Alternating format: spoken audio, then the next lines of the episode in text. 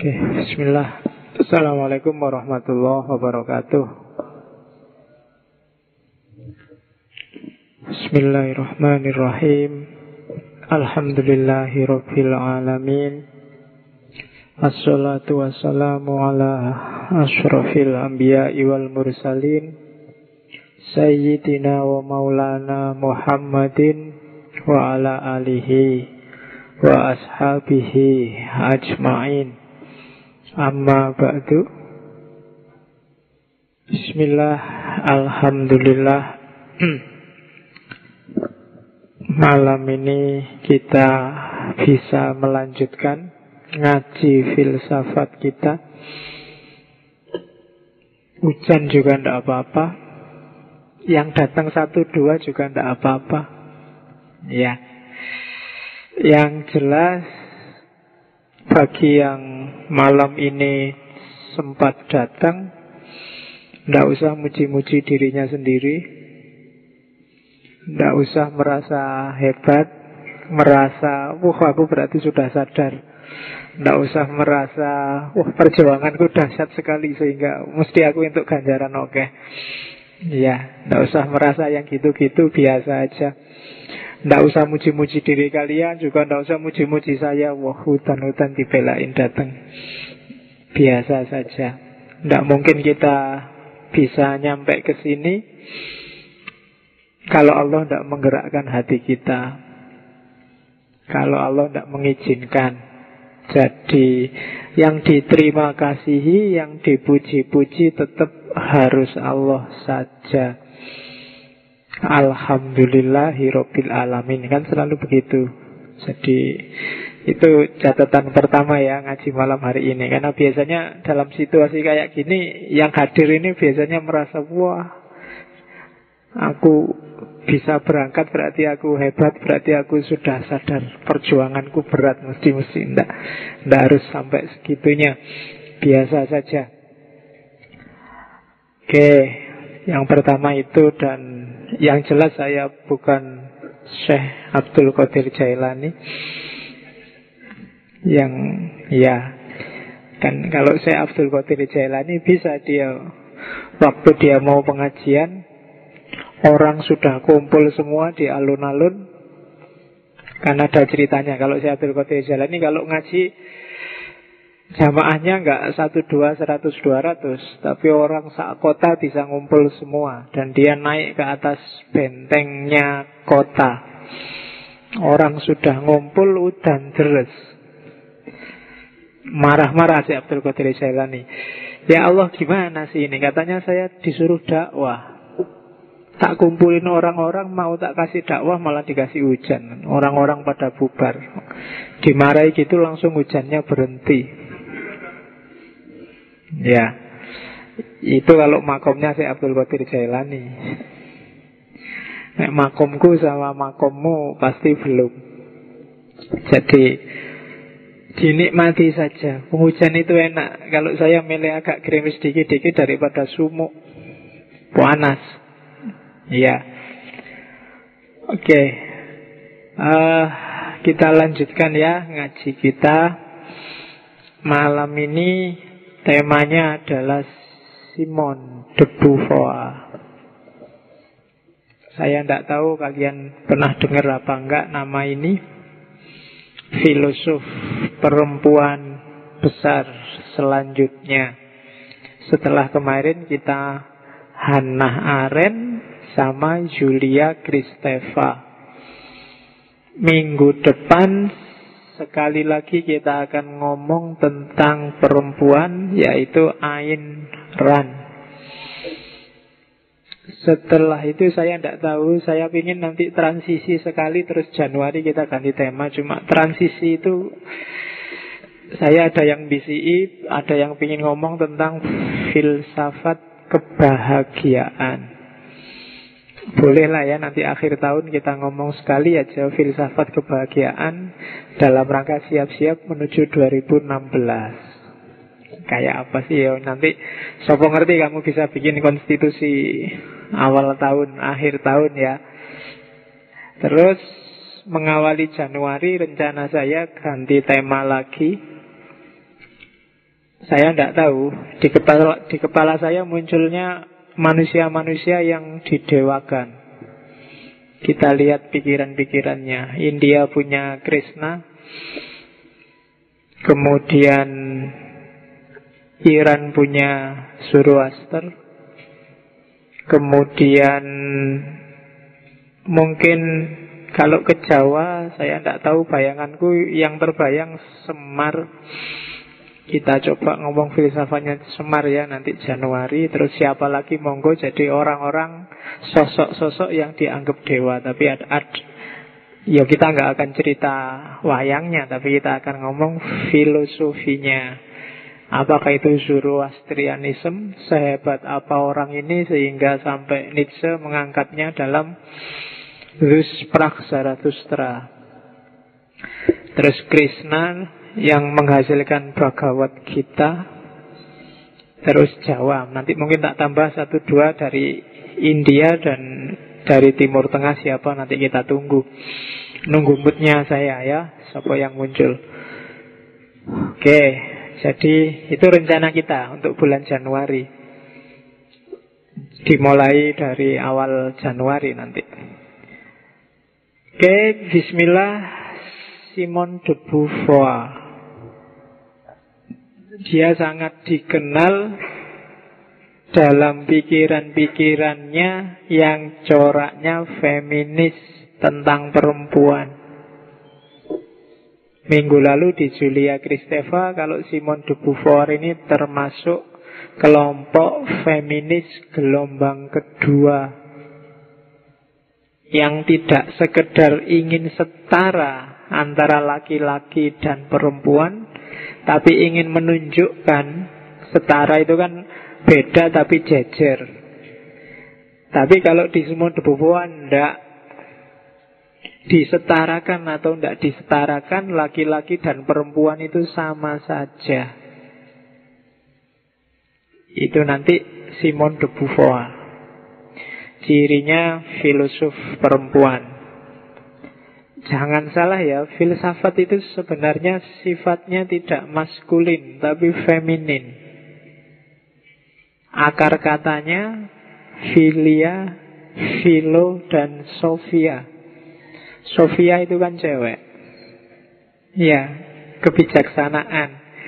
Kalau pakai Cina, kebijaksanaan itu sifatnya yin, feminin, tidak yang. Jadi filsafat itu justru feminin, tidak maskulin. Makanya nanti Justin Galder yang nulis buku novel filsafat yang terkenal itu tokohnya perempuan namanya Sophie. Novelnya dikenal sebagai Dunia Sophie. Jadi dia ingin menunjukkan bahwa filsafat itu sebenarnya sangat feminin, perempuan. Ah, nanti ditunjukkan oleh Simon de Beauvoir, apa bedanya perempuan, apa bedanya feminin di teori-teorinya. Cuma Simon de Beauvoir ini dari sisi kategori dia adalah seorang eksistensialis karena dia menghabiskan hidupnya bareng dengan filosof eksistensialis juga yang Paul Sartre. Ya, kalau bahasa Indonesia namanya kumpul kebo. Tapi kalau di barat tidak ada kumpul kebo, sana nggak kenal kebo. Ya wis pokoknya hidup bareng gitu aja. Nikah itu sesuatu yang sangat istimewa di barat. Ada beda antara kumpul bareng serumah dan nikah itu urusan yang lain. Jadi kadang-kadang pacaran itu terus nyewa kos-kosan bareng. Itu biasa. Lebih ringan karena dan lebih enak nanti yang perempuan ngurusi dapur-dapur ngurusi apa, laki-laki ngurusi apa kan enak. Cuma jangan ditiru di sini. Ya, nanti kamu digerebek sama orang kampung jangan salahkan ngaji filsafat.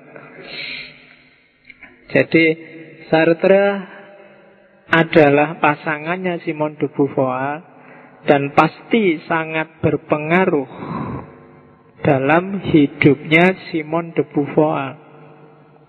Selain nanti ada seorang tokoh fenomenologi namanya Maurice Merleau-Ponty. Dia juga sangat berpengaruh khususnya dalam pikirannya tentang filsafat tubuh.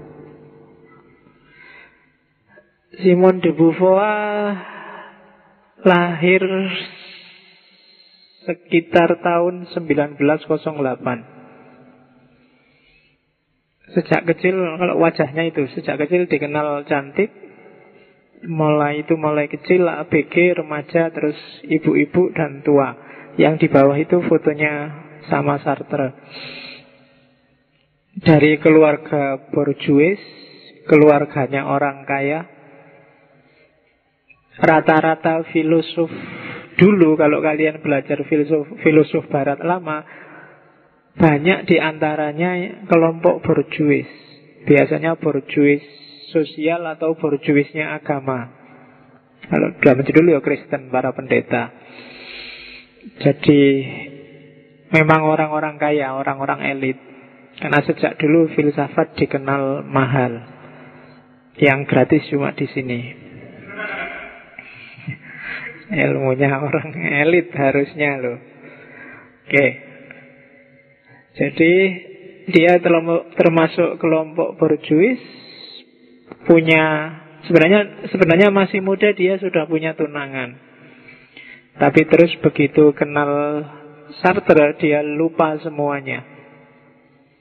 Ya, pokoknya punya dosen cakep, wah, pokoknya mabuk kepayang. Padahal Sartre itu tidak cakep sama sekali.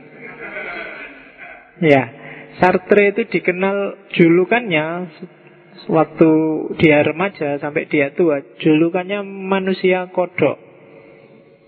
Karena jelek, wajahnya ada totol-totolnya. Coba dilihat di foto-fotonya Sartre itu, aslinya jelek. Cuma dia playboy. Pacarnya banyak gonta ganti. Ya sayangnya Simon de Beauvoir ini setia. Jadi meskipun bolak-balik Sartre memasukkan perempuan, hidup bertiga, berempat sama perempuan lain juga tidak apa-apa. Jadi bayangkan kehidupan seorang feminis yang ingin mendobrak tradisi kungkungan perempuan dalam masyarakat, dia juga sangat setia dengan suaminya. Eh bukan, bukan suaminya ya, dengan pasangannya. Ya, Sartre dan Sartre itu eksistensialis sejati. Wonge sak karepe dhewe. Kalau dia kuliah jarang di kelas.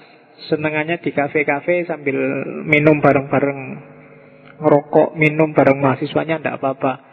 Bahkan ada ceritanya sekali waktu mahasiswanya diajak bareng-bareng ke lokalisasi. Itu Sartre. Ya, kamu jangan protes. Tokoh kayak gini kok dipelajari pak, ditiru pak. Ya, hikmah itu bisa ada di mana saja. Dari mulutnya siapa saja tanpa harus kamu niru gaya hidupnya. Mungkin dari pengemis, dari petani, dari pedagang, kadang-kadang keluar kata-kata hikmah yang luar biasa. Saya tadi beli makan di warung, hujan-hujan, yang jualan bilangnya sangat filosofis. Ya, kamu tidak bisa bilang kayak gitu. Hujan, ndak hujan, podo wae. Rezeki wis ono sing ngatur. Oh, itu filosofis bagi saya. Bagaimana dia bisa membaca realitas kemudian menyimpulkan tidak ada pengaruhnya hujan dan tidak hujan dengan rezeki. Sudah ada yang ngatur. Meskipun hujan tiap hari atau tidak hujan-hujan berbulan-bulan, toh level kekayaannya juga dia standar-standar saja. Kadang-kadang seharian tidak ada yang beli. Kadang-kadang seharian banyak yang beli. Tapi hidupnya ya kayak gitu aja. Itu kan filsafat yang luar biasa. Oke, itu hikmah. Jadi bisa keluar dari mulutnya siapa saja. Ambillah, jelilah. Apalagi dari orang-orang besar seperti Simon de Beauvoir. Oke, kita lihat ya seperti apa. Ini belum tak besarin. Oke.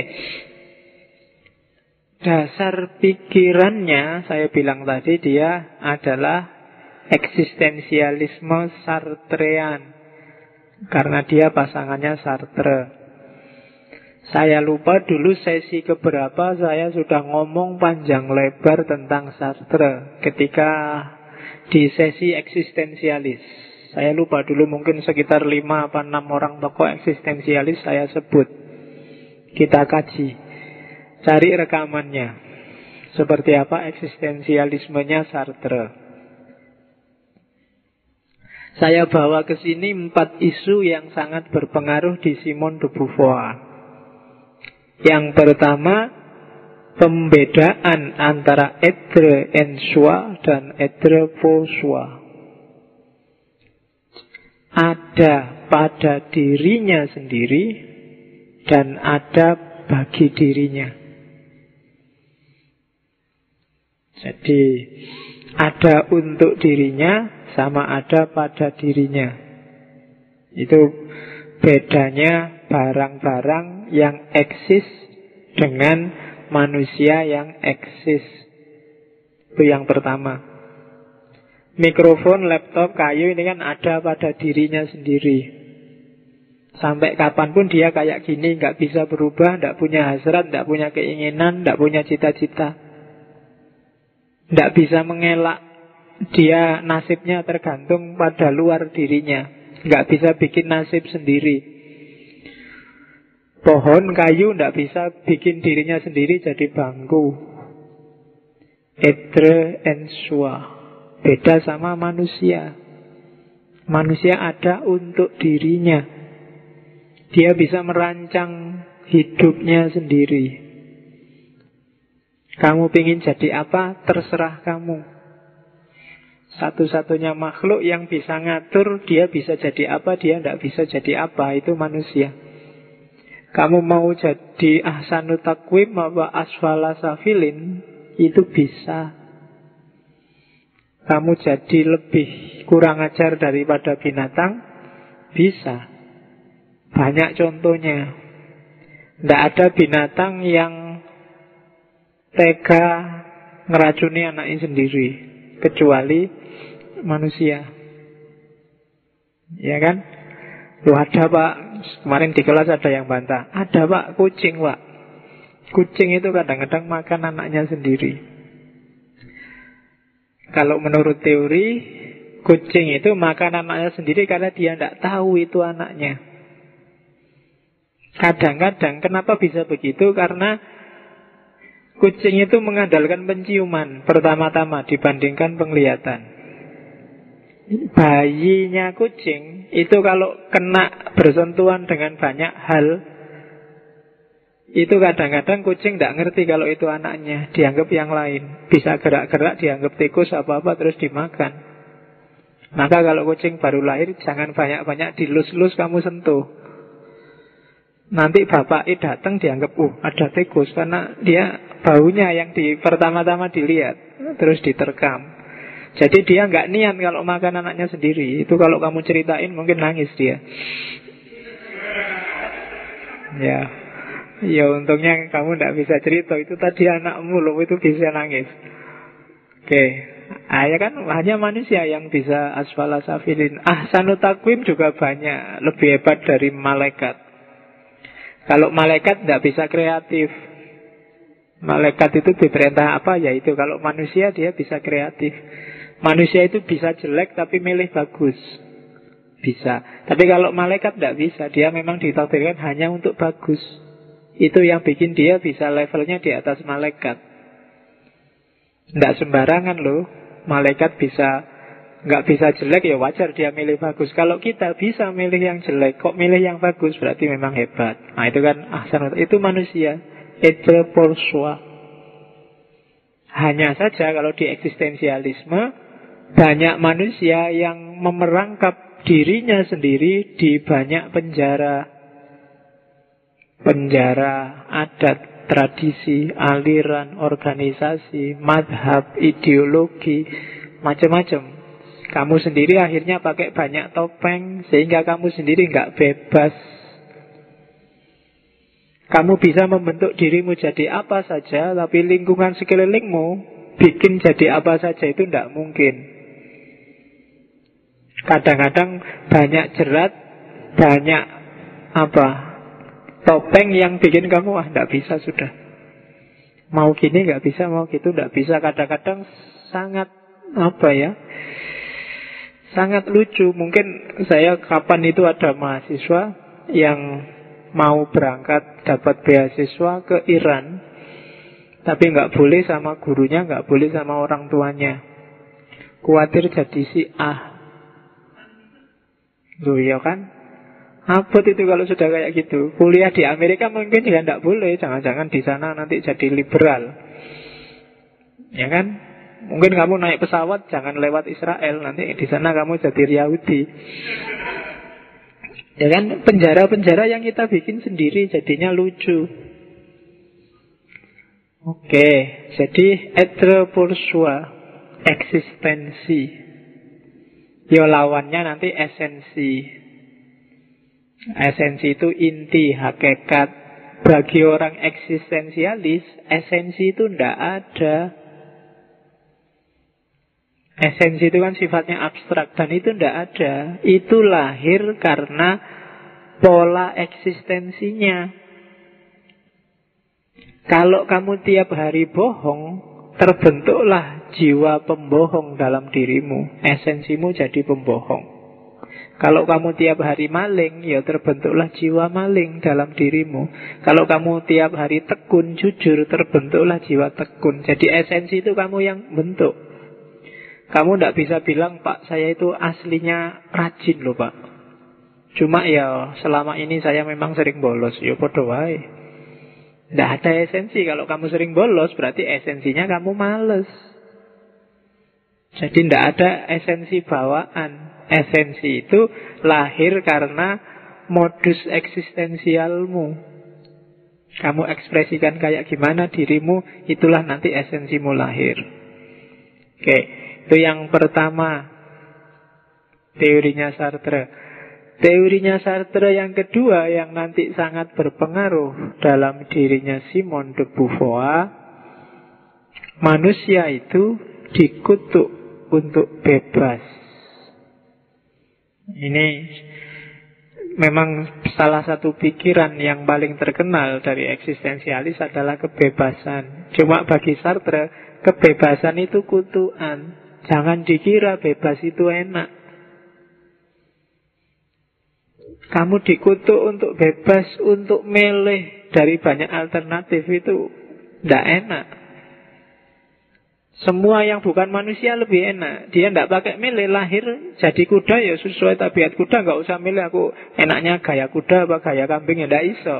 Wis ya kuwi nih. Dia tidak pakai milih, tidak sumpek-sumpek mikir.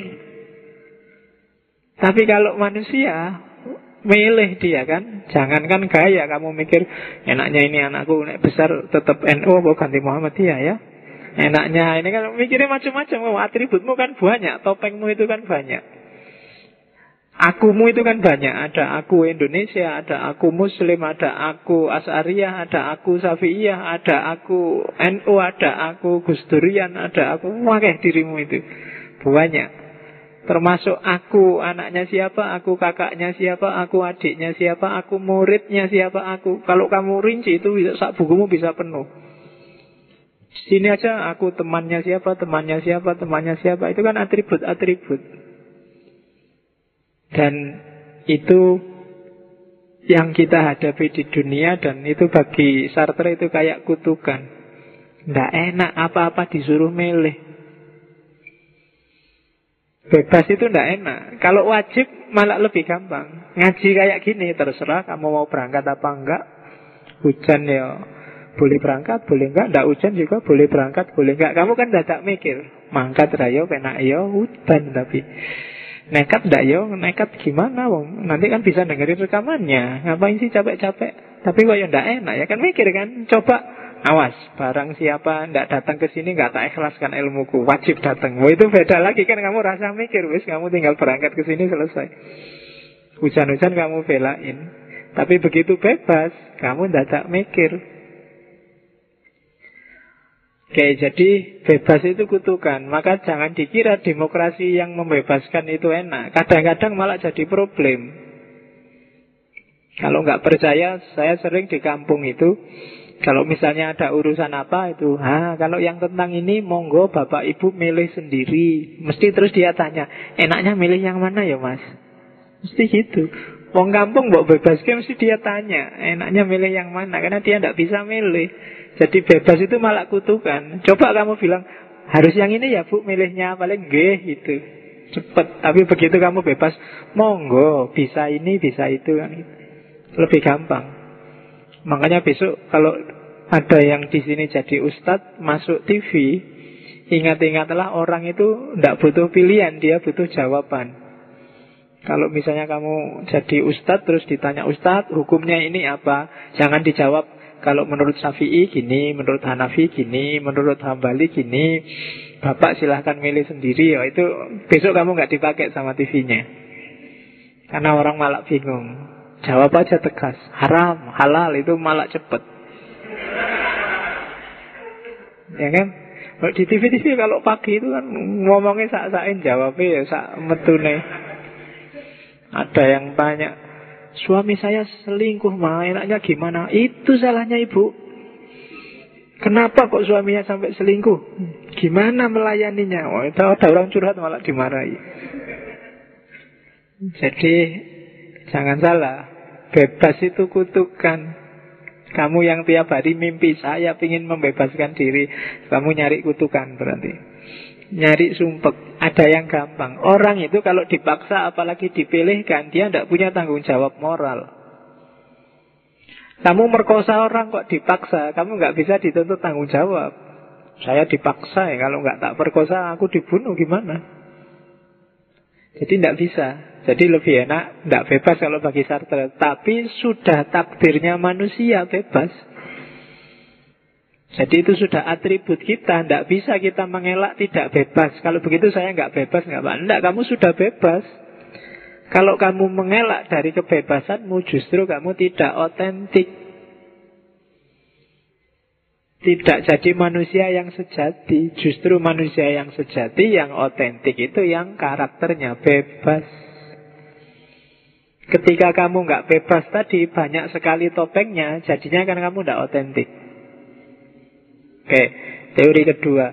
Teori yang ketiga yang sangat berpengaruh di Simon de Beauvoir adalah pandangannya Sartre. Orang lain adalah neraka. Ya kan? Hidupmu itu kalau nggak ada orang lain lebih enak kalau menurut Sartre. Kenapa kamu galau, kamu sumpek, kamu pusing hari ini, kamu ada bete tentang apa pun, pasti karena orang lain. Ya kan? Kalau boleh aku ngaji ini nggak usah pakai baju formal gini lah, pakai kaos soblong aja melingkrang. Tapi nggak bisa ada kalian. Kamu juga maunya gitu, mau pakai sarung sobek-sobek, nggak bantalmu yang sudah banyak pulaunya itu bawa ke sini tidur enak sambil dengerin ngaji. Tapi kan nggak bisa, kenapa ada orang lain? Siapa pun orang lain itu, Pinginmu apa? Ah, ada dia. Mau joget-joget, ah, malu ah nanti masa dianggap gitu. Mau, mau apa pun aja, orang lain adalah neraka. Gara-gara ada orang lain itu, kamu mau apa-apa susah. Coba nggak ada orang, kamu kan bebas. Kamu neng kamar dewe itu bebas. Neng kamar mandi nyanyi-nyanyi. Nggak masalah. Meskipun di luar temenmu nutup telinga, tapi kan kamu merasa bebas karena orang lain nggak ada yang tahu. Aku di kamar mandi sendirian kan gitu. Tapi kalau di kelas, kalau berani nyanyilah kayak kamu di kamar mandi. Kamu mesti mikir 20 kali. Ya kan? Malu. Mungkin di kamar mandi kamu sambil sabunan sambil goyang-goyang kan. Berani nggak kayak gitu di kelas apa di anu. Wani mesti. Kenapa nggak berani? Karena ada orang lain. Jadi jangan salah, bagi Sartre orang lain itu neraka, dia agak pesimis dengan hubungan sosial. Semua teori yang ruwet di dunia sosiologi, filsafat sosial itu lahir karena ada orang lain. Paling tidak apa, orang lain akan selalu menjadikan aku jadi objek dan dia subjek. Kita yang ketemu kayak gini, ini kan masing-masing merasa subjek dan yang lain objek. Aku, aku yang ngaji, kamu kan objeknya, kamu yang kasih ngaji. Tapi bagi kamu, loh saya pak sekarang nyari ilmu, loh. nyari ilmu kan saya pak, sampean yang ngasih saya ilmu. Jadi kamu subjek selalu, orang lain selalu bikin yang lain jadi objeknya. Kamu selalu merasa jadi subjek. Kamu lihat TV, kamu ketemu siapa, ketemu siapa, pasti yang lain itu kamu jadikan objekmu, kamulah subjeknya. Dan menghindari jadi objeknya orang lain itu nggak enak katanya Sartre. Diobjekkan orang terus itu nggak enak. Kayak kamu digosipin terus-terusan itu kan nggak enak. Jadi jadi objek itu ndak enak Maka orang lain itu neraka Orang yang ketemu aku selalu memposisikan aku jadi objek bagi dirinya Entah kamu temanku loh ya, itu kan berarti kamu jadi objeknya dia sebagai teman. Kamu adikku, berarti kamu dia jadi objekmu. Kamu sebagai kakaknya. Jadi bencana kita lahir karena ada orang lain. Katanya Sartre.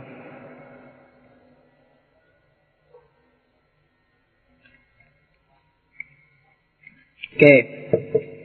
Yang keempat, eksistensialismenya Sartre yang berpengaruh pada Simon de Beauvoir adalah la mauvaise foi atau bad faith. La mauvaise foi itu adalah apa sih yang disebut kepercayaan yang jelek itu? Keyakinan yang jelek itu adalah orang yang menggadaikan kebebasannya menempelkan dirinya pada seseorang atau sesuatu yang dia anggap lebih besar dari dirinya. Sehingga dia kehilangan jati dirinya sendiri, kehilangan identitasnya sendiri. Itulah Mauvaise foi. Bad faith. Dalam hidup kita, kita sering punya ini. Kamu merasa tidak mampu, kamu merasa lemah, terus kamu tempelkan dirimu, kamu afiliasikan dirimu pada sesuatu di luar dirimu yang kamu anggap lebih mampu, lebih besar, lebih punya otoritas, dan kamu kehilangan dirimu sendiri. Itu bad faith. Ya mulai hal yang paling kecil sampai paling besar. Misalnya, ada temanmu yang ahli fashion bilang ke kamu, kamu itu pantasnya kalau pakai hem, lengan panjang, beniknya dikancingin semua, wah cakep kamu. Kamu anggap dia ahli fashion, terus kamu manut. Padahal kalau pakai baju kayak gitu, kamu merasa sumpek, sumuk luar biasa kalau ditekak. Kamu sukanya pakai kaos, santai, casual. Tapi karena kamu merasa, wah dia ahli fashion, dah aku manut dia. Dan kamu percaya sama dia bahwa kalau kamu pakai itu kamu lebih cakep. Padahal mungkin itu bahasa basi. Itulah movis boy. Bad fit. Mungkin model rambut. Mungkin warna kesukaan, musik kesukaan, merek motor, apa pun itu. Kadang-kadang tidak sesuai sama jiwamu. Kamu sukanya dangdut. Tapi karena idolamu dangdut itu deso. Kamu gitu kita bilang dangdut itu deso. Padahal kalau dengar lagu dangdut kamu rasanya ingin langsung ikut goyang aja tapi ndak ah kelihatannya kok norak gitu katanya orang-orang. Jadi kamu ndak sesuai sama batinmu sendiri, ndak otentik. Itu namanya la mauvaise foi. Jadi dalam banyak hal hati-hati banyak orang yang terjebak bad faith. Dia hanya ikut-ikutan. Dia terasing dari dirinya sendiri. Tidak kenal siapa dirimu akhirnya. Kamu bidangmu apa, sukamu apa, kegemaranmu apa, lama-lama jadi kabur, jadi hilang. Dan kalian nggak bisa baca dirimu sendiri. Dan orang kayak gini, dia tidak akan bisa jadi tuan bagi dirinya sendiri. Karena mentalitasnya mentalitas Buddha Kalau pakai bahasanya Nietzsche Jadi ada idre ensua, idre posua, manusia dikutuk untuk bebas, orang lain adalah neraka dan vesvoy. Itu empat asumsi besar pikirannya Sartre yang mempengaruhi Simon de Beauvoir. Oke, ini dasar teorinya Simon de Beauvoir. Orang mengenalnya sebagai etika ambiguitas. Jadi eksistensialismenya Simon de Beauvoir itu dasarnya adalah etika ambiguitas. Jadi hidup ini, kamu menjalani hidup ini, yang kamu hadapi sebenarnya adalah ambigu-ambigu, paradok-paradok yang kamu harus milih Dan kamu akan susah karena apa? Dua-duanya sama-sama penting. Itu namanya etika ambiguitas. Kalau milih antara ngaji dan dugem misalnya, itu kan kelihatan, oh ya milih ngaji aja. Tapi hidup tidak sesederhana itu. Kadang-kadang sama-sama bagus pilihannya. Milih ngaji ke masjid, apa baca buku di rumah ya enaknya. Itu kan imbang. Sama-sama enak, sama-sama penting. Jadi yang disebut oleh De Beauvoir adalah yang paling besar ambigu kita, ketegangan dalam hidup kita adalah kita butuh orang lain tapi sekaligus khawatir dikuasai orang lain. Kamu sama saya misalnya, kamu butuh aku, ingin ngerti filsafat, tapi kamu juga khawatir nanti apa-apa disetir Pak Faiz nanti, apa iya kayak gitu filsafat itu. Ini kan ambigu. Apa harus tak ikuti 100% Apa aku mikir sendiri Atau gimana ya enaknya? Itu mikir Dua-duanya sama-sama penting. Kamu butuh aku tapi jangan sampai kamu tak dominasi. Jadi objekku belaka. Nah ini ambigu. Pilihanmu mana Itu nanti menentukan di mana otentisitasmu. Atau pakai istilahnya Bu Discovering the world Melawan authors of the word meaning. Memahami makna yang ada atau bikin makna sendiri. Dua-duanya sama-sama penting. Kamu tidak akan bisa bikin makna sendiri kalau nggak memahami makna yang ada. Tapi kalau sekedar memahami makna yang ada, kamu tidak otentik jadi dirimu. Nah itu discovering the world dan jadi author of the world's meaning. Jadi hidup ini kan selalu ada maknanya. Apa sih maknanya Islam itu? Nah, Islam secara umum apa? Islam bagimu apa? Bagimu itu kan kamu sendiri yang menciptakan. Seperti apa sih Gustur itu? Nah, itu maknanya Gustur. Tapi Gustur bagimu kayak gimana? Nah, itu kan kamu yang bikin. Jadi antara dua hal ini mana yang lebih penting Makna yang sudah ada Ataukah makna yang kamu ciptakan ini ambigu. Tiap hari kita berhadapan dengan ini. Orang lain ngomong apa, kita memahami apa. Itu kan benturan namanya. Kok dia ngomongnya gitu? Menurutku gini kok. Nah itu kan makna darimu sama makna yang sudah ada dari orang lain. Kok tafsirannya gitu ya? Menurutku kan lebih baik gini. Loh kok menurut dia Setia Novanto itu kesalahan sedang ya Menurutku kok berat ya Loh itu kan makna menurutmu sama makna menurut MKD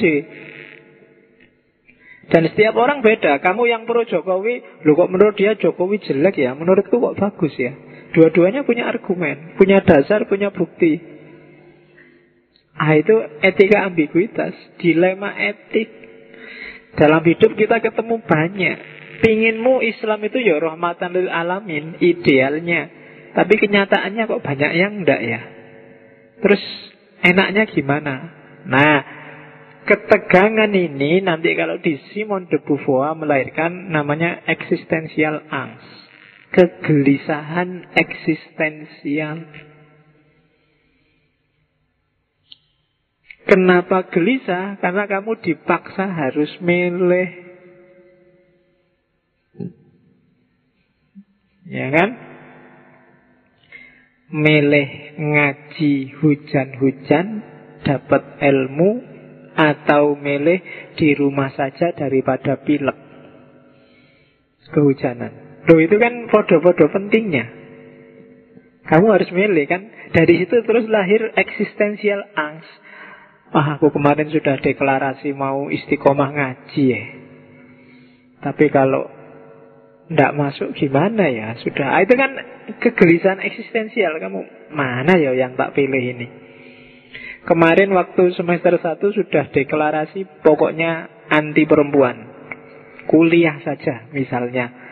Yo kok dilalah punya teman sak kelas cakep. Dan kok ya seneng ini arep pacaran Kok dia juga bales gitu loh. Waduh ini dilanjutkan kuliahnya Apa disambi pacaran ya? Gimana dengan deklarasi dulu awal? Itu kan eksistensial angst Ada kegelisahan eksistensial. Oh, Itu tiap hari kamu begitu dalam hidup. Ada pilihan-pilihan yang harus kamu pilih Yang harus kamu tegaskan. Makanya tadi kan hidup ini kayak kutukan. Kita milih terus Harus antara dua hal. Ya kalau milih sama bagus sama jelek gampang. Kadang-kadang sama-sama bagus. Dan kadang-kadang pilihannya nggak cuma dua. Bisa tiga, bisa empat. Kuliah, apa pacar, apa kerja ya Ya kan? Bingung lagi kan kamu? Urusan perempuan, urusan kerja, apa urusan pacar, apa urusan orang tua? Ini orang tua sudah manggil-manggil nyuruh pulang. Ngapain aja di Jogja Wong sudah lulus. Di rumah Sawahnya menunggu. Nah ya kan Kamu kan gelisah itu kan Iki bantu orang tua Melanjutkan kuliah Apa nyari pacar Apa berusaha kerja sendiri Oh itu eksistensial angst Pilihannya banyak dan hidupmu dibentuk, distruktur oleh eksistensial angst itu. Dari situlah nanti menuju authentic life. Kehidupan yang otentik, aslimu kayak gimana kemudian? Aslimu kayak gimana ditentukan oleh pilihan-pilihanmu. Ketika kamu milih, ah nomor satu pacar sajalah.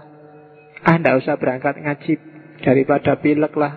Ah ndak usah inilah, ini aja yang mbak pilih. Itu akan membentuk dirimu yang otentik akan jadi apa kamu. Jadi ketegangan antara banyak pilihan melahirkan kegelisahan eksistensial, kegelisahan eksistensial melahirkan dirimu yang otentik, siapa kamu. Yo, introspeksi sendiri boleh kamu hitung. Aku kok kayak gini ya sekarang. Itu pasti lahir karena pilihan-pilihanmu sendiri. Dari banyak alternatif kemarin kamu milih itu Dari banyak alternatif kamu milih ini Lahirlah kamu seorang yang seperti ini sekarang Ya contoh paling gampang kuliah itu loh. Dari banyak fakultas, banyak jurusan Ini yang kamu pilih. Terbentuklah kamu seperti pilihanmu. Ya. Ya kepaksa kan dilakoni tetap Di situlah kamu terbentuk. Jadi itu namanya etika ambiguitas. Dasar hidup kita ternyata sifatnya ambigu. Makanya jangan gampang menyalahkan orang lain. Orang lain itu seperti kamu. Ditawari banyak pilihan dan dia milih sesuai versinya dia dan sementara kamu milih sesuai versimu. Oke, itu etika ambiguitas. Dari situlah nanti Simon de Beauvoir masuk ke dunia perempuan. Minggu lalu saya bilang disebut perempuan boleh, disebut wanita boleh, tidak masalah. Artinya sama-sama bagus.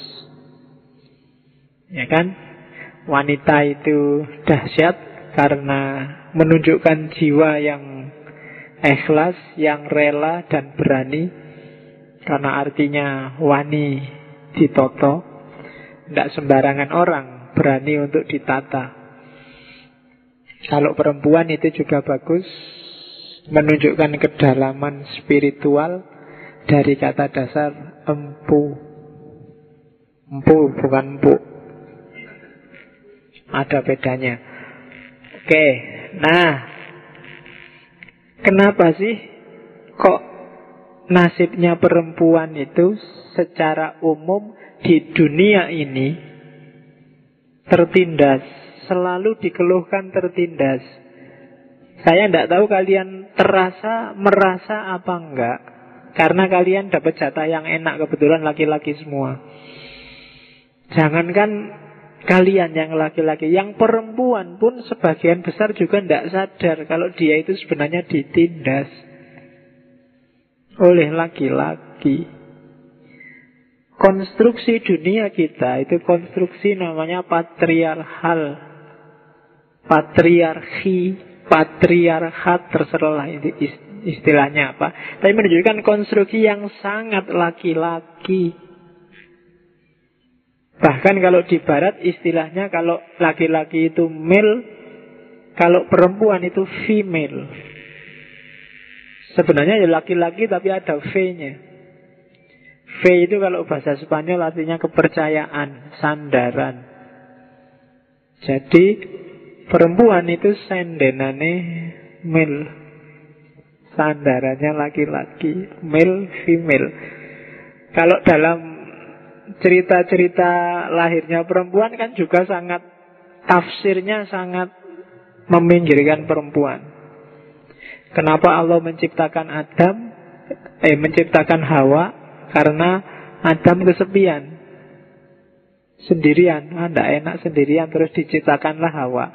Itu kan terus tafsirnya adalah Oh berarti Hawa itu tugasnya mengusir kesepiannya Adam. Ya kan? Dan terus Waktu ada geger-gegeran sama iblis Sampai Nabi Adam makan buah kuldi Ceritanya selalu kenapa Nabi Adam makan buah kuldi Karena dirayu oleh Hawa. Berarti Hawa itu tugasnya ngerayu.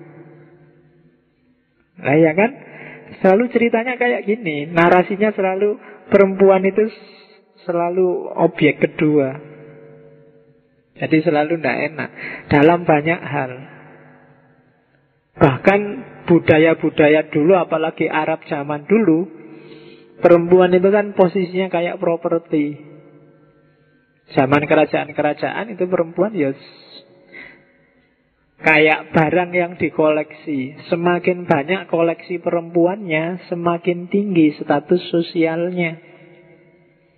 Loh iya, Raja-raja zaman dulu itu Kalau di Arab suku-suku itu Ketua suku itu Gengsi sukunya semakin naik Kalau koleksi perempuannya semakin banyak Raja-raja Mesir kuno Romawi kuno India kuno bahkan Timur Tengah dinasti-dinasti kuno Apalagi Cina kuno Itu selalu si antara simbol kejayaannya adalah koleksi istri, koleksi selirnya. Dan ada cerita Kaisar Cina itu yang selirnya jumlahnya sekitar 3000 sekian. Jadi kamu punya selir 3000 itu kalau setahun anggap aja 300 hari. Berarti satu selir seandainya digilir satu-satu sehari satu itu giliran selanjutnya 10 tahun yang akan datang. Jadi 10 tahun sekali bayangkan Betapa sadisnya laki-laki itu. Sampai 3000, kamu satu aja nggak dapat dapat sampai sekarang. Jadi dia punya koleksi 3000. Makanya terkenal sekali istilah harem. Harem itu kan tempat istri-istri selir-selir ini ngumpul. Kalau di Cina nanti pengawalnya namanya Kasim. Kasim itu pasti sudah dikebiri, dipotong anunya, Kenapa? Yo gawat lah Nunggu giliran 10 tahun Kalau kasih me Nggak dipotong itunya bisa habis perempuannya Jadi makanya Kasim itu selalu dikebiri dulu Biar nggak makan yang dijaga. Ya. Dan itu yang terjadi zaman dulu. Apalagi sekarang. Atau masuk ke dunia modern deh Bayangkan. Perempuan dalam posisi tradisional maupun modern Dia susah juga. Tradisional misalnya petani di desa. Pagi-pagi ibumu sudah nyiapin makanan, minuman. Terus ke sawah. Biasanya bareng bapaknya dua-duanya berangkat ke sawah. Pagi sampai siang itu pun sambil bawa makanan ke sawah. Yang masak juga ibumu. Nanti pulang-pulang, sore-sore sudah capek, bapakmu santai tidur, ibumu harus masak lagi, nyiapin makan malam. Belum lagi malam-malam yang minta pijat mesti juga bapak. Ya kan? Nanti bangun paling pagi Masak lagi ya, Susah. Atau terus jadi kapitalis Peradabannya ganti. Bapaknya tidak kerja di sawah Tapi kerja di kantor atau di pabrik. Sama susahnya. Seandainya ibumu tidak kerja pun Di rumah saja Posisinya juga sangat lemah. Bapak di luar Menghasilkan uang Ibumu di dalam tidak dapat apa-apa padahal kerjanya mungkin dua tiga kali lipat lebih capek daripada bapakmu nyapu, nyuci, ngepel.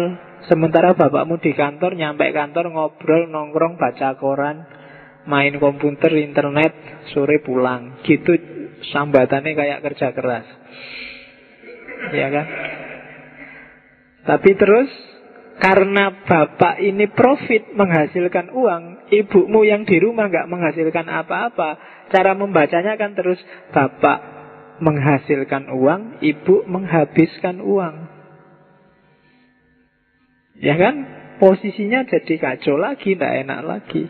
Itu sistem patriarkal, susah jadi perempuan. Bahkan di antara kearifan lokalnya Arab zaman jahiliyah Saya tidak tahu kearifan apa enggak. Tapi mereka mereka membacanya anak perempuan ini daripada nanti besarnya sengsara jadi bebannya suku. Kalau perang tidak bisa membantu malah menyusahkan. Akhirnya daripada besok kamu sengsara tak kubur aja hidup-hidup sekarang. Itu yang ada di kepalanya orang Arab jahiliyah zaman dulu.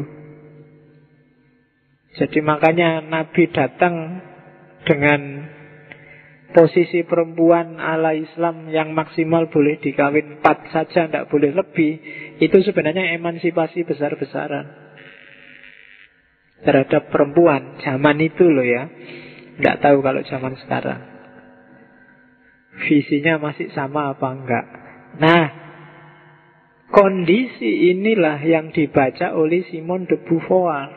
Barat Zaman awal modern juga begitu. Perempuan posisinya sangat rendah. Konotasinya selalu jelek. Bahkan di barat itu ada nenek sihir Tapi jarang kamu dengar istilah kakek sihir. Selalu nenek yang sihir itu. Gak ada kakek sihir. Jadi zaman dulu yang memang terkenal Penyihir itu nenek-nenek yang bawa sapu pakai topi jelek terus terbang.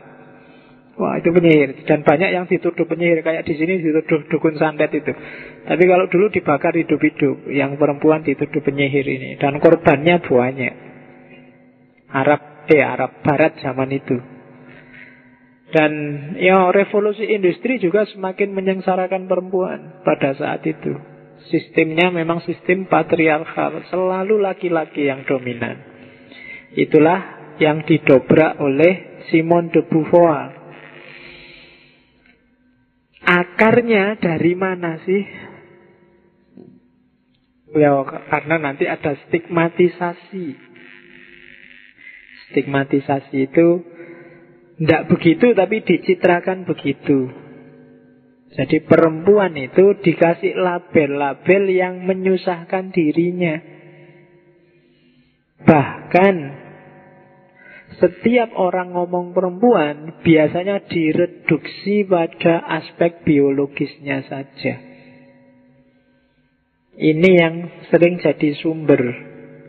Kamu pertama kali ketemu cewek, arah pandanganmu pasti tidak jauh-jauh dari situ.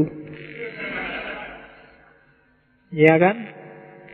Dan ceweknya juga kadang-kadang saya tidak tahu, mungkin karena bentukan sosial yang dipamerkan juga itu.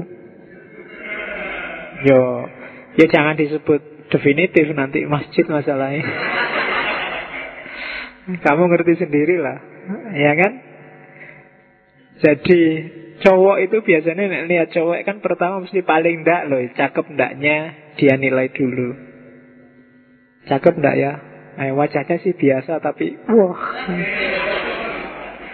Ya kan, kamu arahnya selalu ke situ pasti. Tidak jauh-jauh dari sana. Jadi kamu melihat perempuan itu hanya dari fungsi biologisnya saja.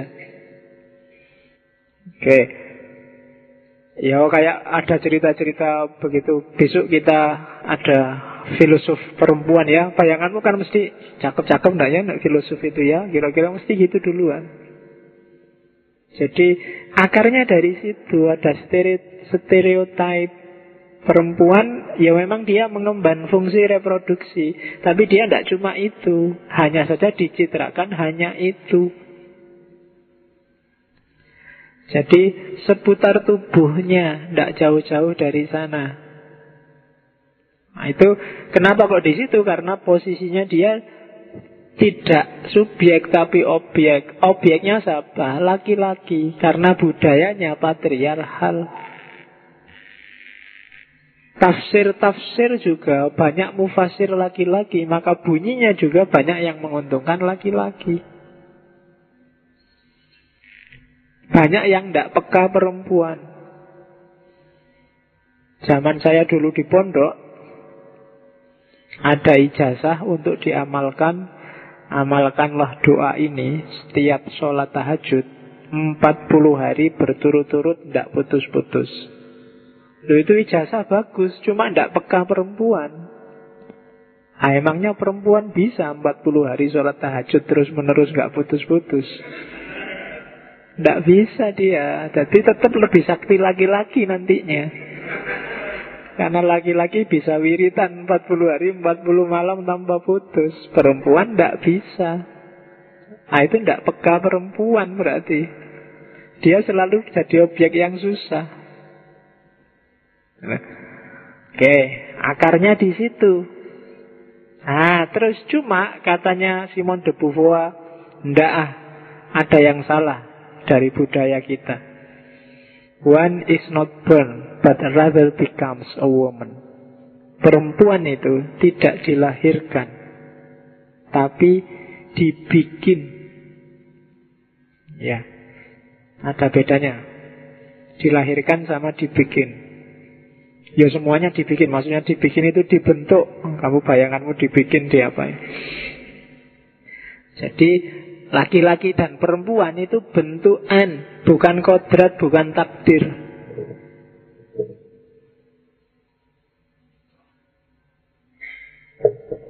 Kita lihat ya seperti apa.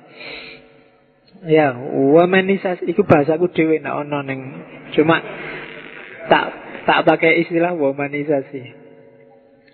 Jadi budaya yang membentuk perempuan. Womanisasi bukan kamu yang cowok terus pakai lipstick, pakai parfum, bukan itu. Jadi becoming woman. Jadi perempuan dibentuk berdasarkan kondisi sosial. Masyarakatlah yang mendidik seorang perempuan harus begini atau begitu, sebagaimana laki-laki harus begini atau begitu. Perempuan itu cengeng, gampang nangis. Kalau laki-laki nggak boleh nangis. Nah itu kan dibentuk oleh masyarakat.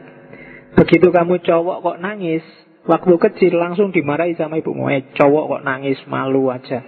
Nah terus kamu nggak berani. Wah berarti cowok nggak boleh nangis nih kan gitu. Yang cewek juga begitu. Warna misalnya, Loh pak kan perempuan biasanya suka yang pink, suka yang hijau muda, suka yang itu. Itu bukan kodrati, itu dibikin kok. Sejak kecil ya ibunya beliinnya gitu-gitu. Mainannya boneka dan yang sejenis itu ya terbentuknya begitu. Terus diajari perempuan nggak boleh nyak-nyakan, harus lembut harus malu-malu, nggak boleh banyak omong, harus setia, harus kan gitu. Laki-laki harus aktif, harus kreatif, harus itu kan dibentuk sejak kecil. Kayak bukumu waktu SD itu loh kan gambarnya situasi di pagi hari, bapak baca koran, ibu masak, ya kan? Adik yang perempuan bantu ibu nyapu, adik yang laki-laki mandi sambil nyanyi-nyanyi. Ya kan pagi hari kan gitu. Ibu yang menjahit, bapak yang baca koran kalau sore hari, terus kan selalu begitu bapak kebagian baca koran terus mesti. Ya kan, baca koran sambil minum kopi, gambarnya mesti ngono. Ibu bagian ke pasar, masak, jahit itu bagiannya ibu. Ya kan? Dan perempuan dicitrakan semacam itu. Apa tidak bisa dibalik misalnya bapak pergi ke pasar, terus ibu yang baca koran di depan rumah, bisa kan? Cuma masyarakat bikinnya semacam itu. Jadi perempuan dan keperempuanan itu dibentuk Ya kalau perempuan sejak kecil diajari gaya laki-laki ya dia akan jadi laki-laki. Manusia itu netral. Jadi ada proses becoming woman, womanisasi. Proses terbentuknya perempuan. Jadi itu tidak takdir. Perempuan yang malu-malu itu bukan takdir. Perempuan yang lemah itu bukan takdir. Itu dibentuk oleh budaya dan masyarakatnya sendiri. Maka kalau di Sartre cobalah bedakan antara femininitas, feminine reality, dan womanhood. Jadi femininity itu keperempuanan apa ya? Ya keperempuanan yang kayak tadi, ini loh cirinya perempuan. Dia harus malu-malu, dia harus suka menundukkan kepala, hodul basor, dia harus, ah, itu femininitas. Kalau jalan langkahnya kecil-kecil, jangan lebar-lebar. Kalau anu itu femininitas. Jadi konsep umum ciri perempuan apa enggak? Kalau ada perempuan jalannya begagak kan terus kamu bilang, wah kayak laki-laki itu. Ya kan? Padahal loh, apa ada jalan kayak laki-laki, jalan kayak perempuan? Ada bentukan masyarakat. Itu femininitas. Nanti ada feminin reality. Ya lawannya maskulin reality, lawannya masculinity. Ini prakteknya. Kalau tadi kan konsepnya umum, nah prakteknya itu feminin reality. Mungkin di Jawa kayak gimana, di Cina kayak gimana. Di Cina misalnya ada yang kakinya dikasih sepatu kecil itu jadi kakinya agak dan itu dianggap cantik versi Cina. Itu fe feminin di sana itu kalau kakinya kecil. Kalau kakinya besar sepatunya nomor 45 ya dianggap tidak feminin. Sepatunya harus kecil dan kaki itu kan sebenarnya bentuknya gini, tapi sama perempuan dibikin gini. Kasihan sekali kan kalau kamu pakai sepatu kayak gitu itu. Tapi bagi masyarakat, yo kayak gini nih feminin. Itu namanya feminin reality. Perempuan duduk kayak kamu silo kayak gini aja kan kelihatannya perempuan kok duduknya kayak gitu. Sebenarnya apa salahnya perempuan duduk kayak gitu? Ya ndak pantas, Pak. Pantas ndak pantas itu masyarakat yang bikin. Itu loh. Bikin susah sendiri. Itu feminine reality namanya. Oke, nah yang ketiga womanhood. Kalau womanhood itu kewanitaan. Yo ini yang hubungannya sama menstruasi, hamil, menyusui. Itu womanhood.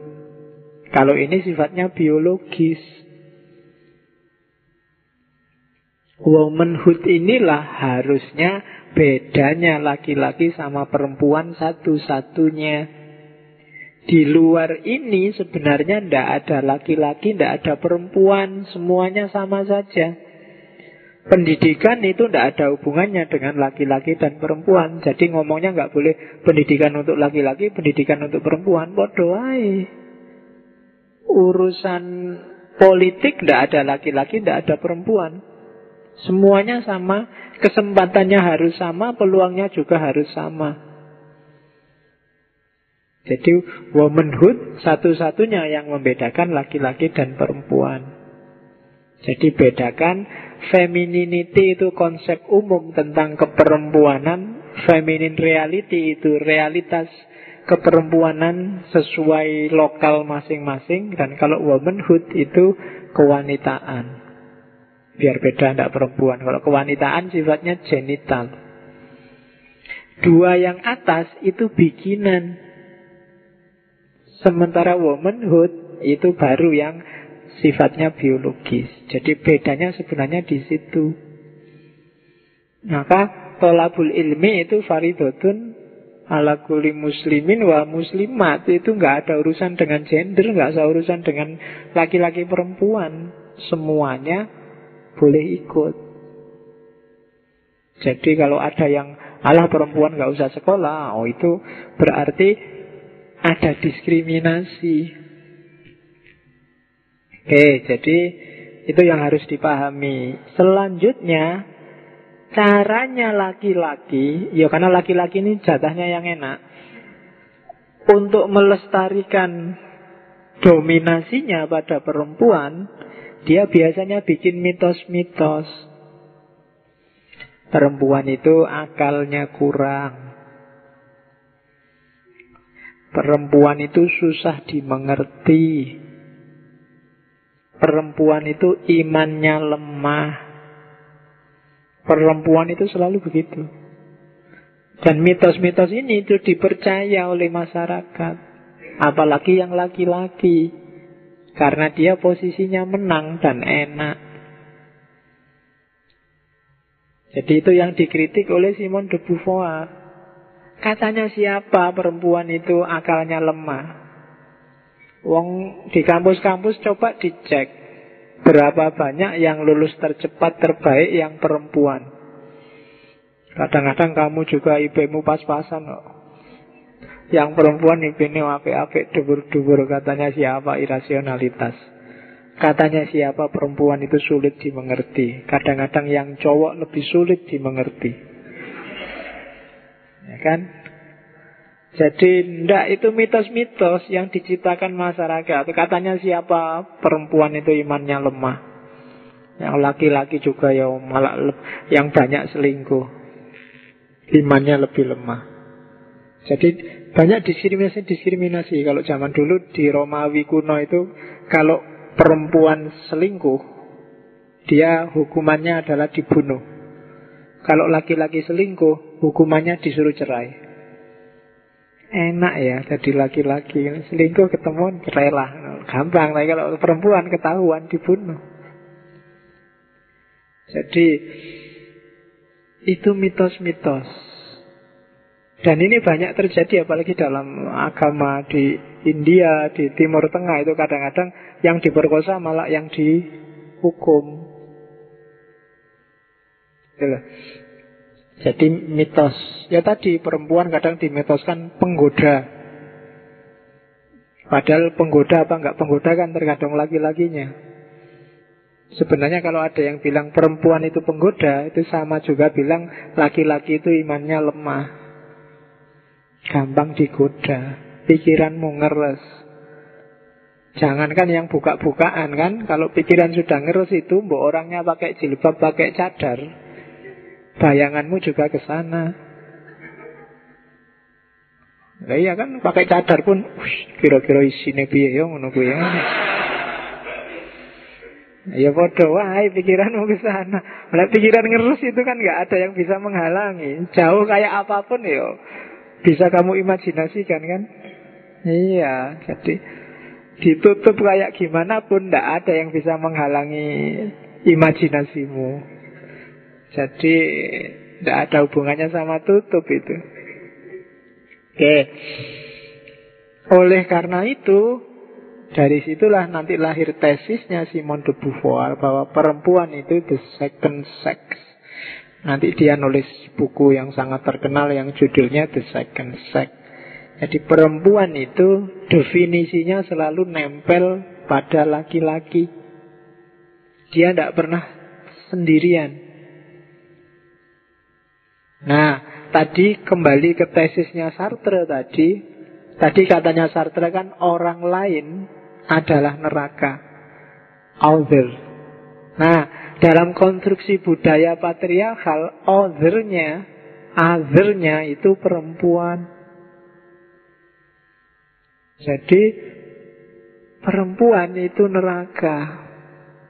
Perempuan itu ancaman bagi laki-laki untuk bebas berekspresi. Oleh karena itu, perempuan harus ditundukkan. Karena yang lain itu ancaman, dan yang lain itu perempuan, ya perempuan harus ditaklukkan. Caranya ya sistem budayanya. Lahirlah budaya patriarki.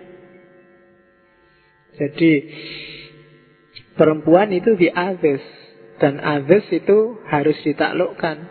Others itu kan selalu jelek. Kalian selalu bilang minna wa minhum. Minhum itu kan selalu jatuhnya musuh, rival, lawan. Kalau minna, teman. Jadi kalau perempuan atributnya yang lain, berarti dia rival, musuh. Harus ditaklukkan. Nah ini problem lagi sudah. Kamu tidak sadar sebenarnya selama ini kamu memusuhi dalam tanda petik perempuan. Kamu sudah zalim pada perempuan lewat struktur budaya yang patriarki. Oke, jadi ada relasi I and the others. Itu sebenarnya pengaruh Hegel. Kalau Hegel kan budak dan tuan. Sama-sama butuh, tapi yang kuat jadi master, yang kalah jadi other. Laki-laki begitu kan? Karena laki-laki kuat, dia jadi master. Perempuan kalah, dia jadi others. Jadi namanya sistem of opposite, sistem dua. Dua itu selalu satu konotasinya positif, konotasinya yang satu konotasinya negatif. Siang, malam. Siang itu penuh cahaya, malam itu gelap. Satu positif, satu negatif. Putih, hitam, apalagi. Selalu kalau oposisi dua ini biasanya satu plus, satu min. Begitu laki-laki dan perempuan, terus yang kamu pluskan kan yang laki-laki. Perempuannya yang jatahnya min. Tuan sama budak. Pimpinan sama rakyat. Dosen sama mahasiswa. Begitu di oposisi gini, kamu selalu ngasih atribut. Mana plus, mana min. Nah, dalam kasus perempuan, dan laki-laki, laki-laki yang dapat atribut plus dan perempuan jatahnya min. Coba dilihat gambarnya itu. Perempuan itu kan bulat terus ada panah ke atas. Sementara laki eh, yang laki-laki yang panah ke atas, yang perempuan bulat terus ada garis ke bawah. Jadi kelihatan gambar simbol pasif, yang satu simbol aktif. Apa tidak bisa perempuan aktif? Sangat bisa. Cuma memang dicitrakan begitu oleh budayanya laki-laki. Nah itu katanya Simon de Beauvoir. Sehingga akhirnya ya perempuan harus bangkit. Ini teorinya. Kenapa sih Simon de Beauvoir ngomong gitu? Kenapa masyarakat patriarki itu semacam itu? Karena banyak orang percaya pada esensialisme. Kayak tadi saya ngomongkan di awal. Seolah-olah ada esensi Kalau perempuan itu esensinya dia lemah, lembut Terus gampang ikut, terus harus ditaklukkan, harus dibimbing. Kalau laki-laki dia kuat, dia yang harus menopang, dia yang ini esensinya laki-laki, esensinya perempuan. Padahal esensi itu tidak ada. Perempuan itu harus selalu kelihatan indah, cantik, itu seolah-olah begitu. Padahal yang nyuruh gitu juga tidak ada. Bahkan perempuannya sendiri juga tidak sadar kalau dia sebenarnya sedang diobjekkan. Kadang-kadang malam-malam gini Ketika saya pulang ngaji naik motor Cowoknya pakai jaket Tebel pakai helm rapet Ceweknya cuma pakai tank top sama itu di belakang. Dia ingin kelihatan cantik dan indah Meskipun resikonya masuk angin. Ya kan? Tapi dia berani nanggung itu Tidak apa-apa asal kelihatan cantik. Karena cantik itu semacam itu itu kan stereotip yang menjebak. Dia tidak sadar didolimi oleh pacarnya yang pakai jaket pakai itu. Mungkin pacarnya yang nyetir, wah kamu kayak gini cakep loh, kayak gini cantik loh, ya sudah. Dan itu yang terjadi. Esensialisme, seolah-olah ada esensi, ada atribut pasti kapan pun dan di mana pun ini loh perempuan, kalau yang kayak gini laki-laki. Nah, itu esensialisme yang dikritik oleh Simon de Beauvoir. Tidak mungkin ada semacam itu. Oke. Nah, ini biasanya yang saya sebut tadi, stereotype-stereotype. Contohnya banyak, itu cuma beberapa aja. Kalau laki-laki rasional, kalau perempuan biasanya tidak penting pinter, yang penting seksi, body. Kalau perempuan itu kecerdasan, kebudayaan. Kalau laki-laki itu yang natural, yang alami. Kalau perempuan itu eh, laki-laki itu akal, kalau perempuan itu emosi. Jadi, kan ada yang bilang laki-laki itu nafsunya satu, ya kamu wis ngerti. Nggak usah tak lanjutin. Perempuan itu nafsunya Sembilan, tapi dia punya malu. Berarti laki-laki tidak punya malu. Padahal nafsunya kecil. Nafsunya kecil tidak punya malu perempuan. Nafsunya besar tapi punya malu. Berarti kalau ada perempuan kok tidak punya malu, berarti yang tinggal nafsunya aja yang besar. Ya. Kalau laki-laki punya malu, berarti sudah kecil punya malu lagi. Hilang, habis. Lah ya kan kamu. Jadi kalau ada laki-laki pemalu kan, oh kamu laki-laki kok pemalu, sudah kecil pemalu lagi. Kalau perempuan kan besar nafsunya. Oke. Ya, the rule of man, perannya laki-laki itu jadi ayah, mengatur masyarakat, pemimpin, kan selalu begitu.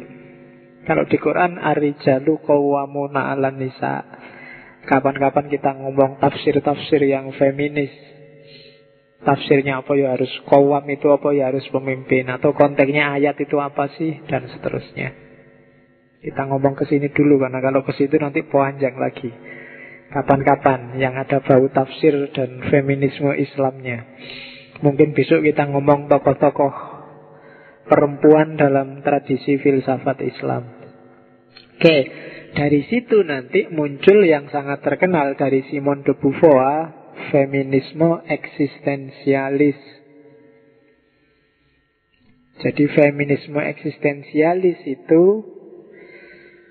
perempuan harus eksis sebagai dirinya sendiri.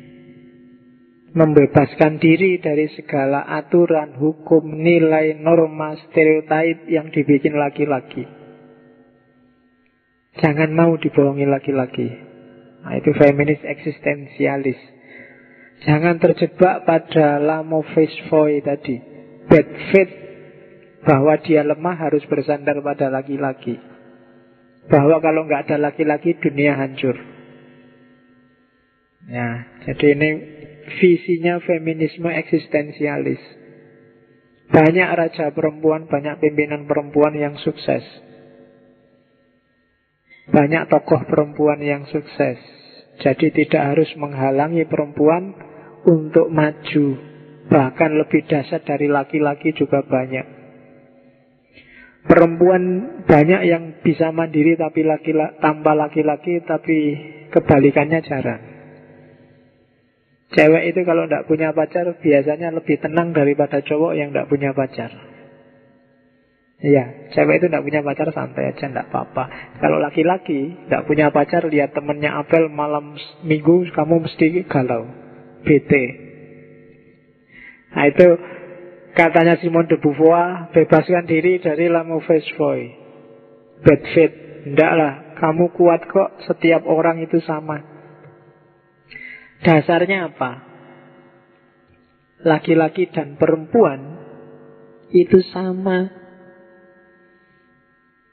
tubuhnya sama, hanya beda itu aja.